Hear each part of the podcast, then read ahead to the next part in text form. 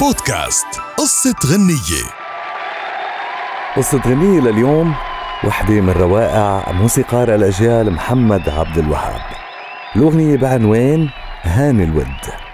ما كانت هالأغنية مجرد أغنية عاطفية لأنها لامست وجدان عبد الوهاب أول ما قراها واتصل بالشاعر أحمد رامي ليبلغوا موافقته على تلحينها وغنائها بنفسه. وظلت الكلمات عالقة بباله بعد ما حفظها عن ظهر قلب. واختلى بنفسه ومعه آلة العود. وبعد أيام قليلة انتهى من اللحن. وتعمد إنه يكون معبر عن شموخ المحب بعتابه لحبيبته. وكيف إنه بكابد آلام الفراق ليكون واحد من أروع الألحان اللي أبدعها موسيقار الأجيال محمد عبد الوهاب. هاني الود هالأغنية تعتبر لحظة فارقة بحياته. لأنها جمعت قصة حب انتهت بزواجه من السيدة نهلة القدسي وكانت من أشهر زيجات الوسط الفني بهداك الوقت. وعاش الحبيبين بأجواء شديدة الرومانسية وباتت حبيبة العمر ملهمة الموسيقار في إبداعه الفني.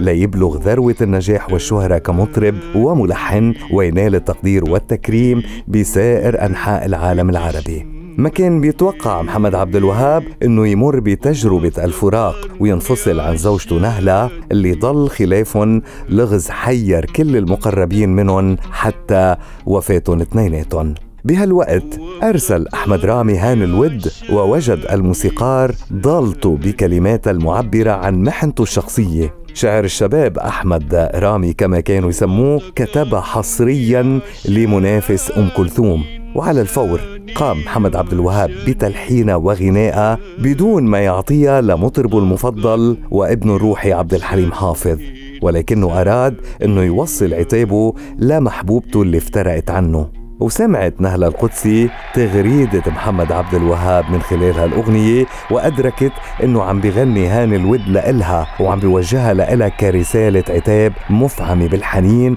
ومشاعر الحب.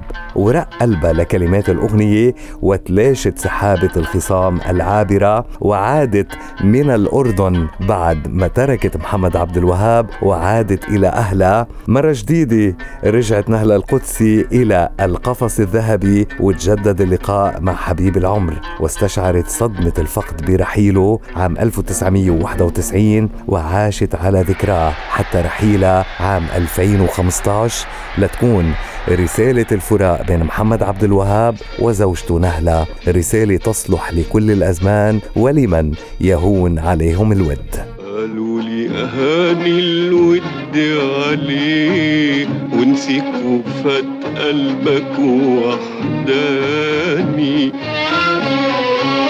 قالوا لي أهاني الود عليه ونسيك وفات قلبك وحداني ردت وقلت بتشمتوا ليه هو افتكرني عشان ينساني آه عشان ينساني بودكاست قصة غنية.